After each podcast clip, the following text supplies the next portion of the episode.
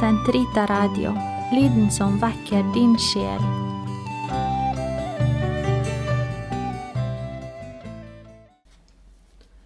Den katolske kirkes katekisme, uke 13, lørdag, paragraf 1913 til 1927.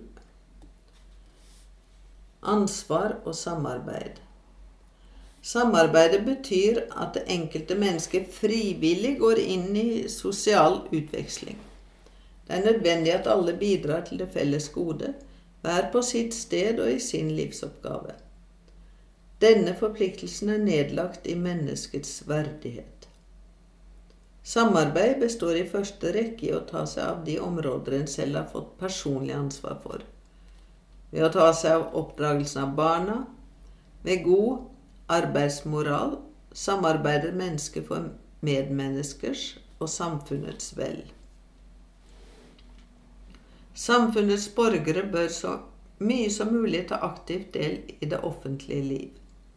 På hvilken måte dette skjer, kan variere fra land til land og fra kultur til kultur. Den form for statsstyre som lar flest mulig borgere i sann frihet delta i det offentlige styret, fortjener anerkjennelse. Deltakelse fra alle i oppbygningen av det felles gode medfører, som all etisk forpliktelse, en stadig omvendelse fra samfunnsmedlemmenes side. Bedrag og andre tvilsomme påfunn som enkelte benytter seg av for å snike seg unna lovens bestemmelser og ens samfunnsplikt, må sterkt fordømmes fordi de strider mot rettferdighetens krav. Det er viktig å fremme veksten i institusjoner som bedrer menneskets kår.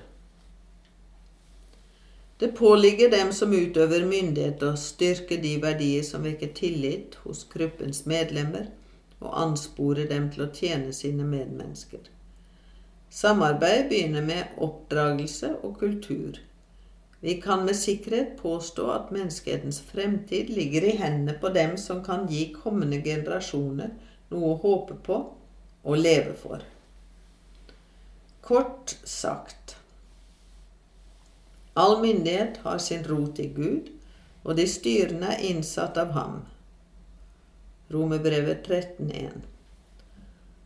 Alt menneskelig fellesskap har behov for en myndighet for å kunne bestå og utvikle seg.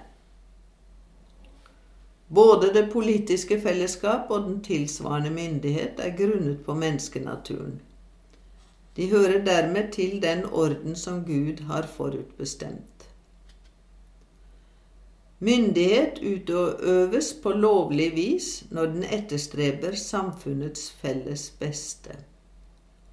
I dette øyemed må den benytte seg av moralsk akseptable midler.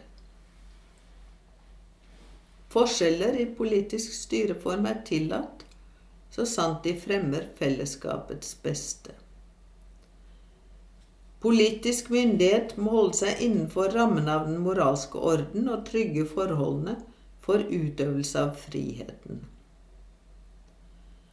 Det felles gode innbefatter summen av alle de forhold i samfunnslivet som kan gjøre det lettere for mennesket å virkeliggjøre seg fullt ut, både individuelt og kollektivt. Det felles gode innebærer tre vesentlige elementer. Respekt for og fremme av enkeltmenneskets grunnleggende rettigheter, de åndelige og timelige samfunnsgoders velferd og utvikling, fred og trygghet for gruppen og dens medlemmer. Menneskets verdighet innebærer å søke alles beste. Enhver må forsøke å vekke til live eller støtte institusjoner som bedrer menneskelige forhold. Det påligger staten å forsvare og fremme det sivile samfunns felles gode. Hele den menneskelige families felles gode krever en organisering av det internasjonale samfunn.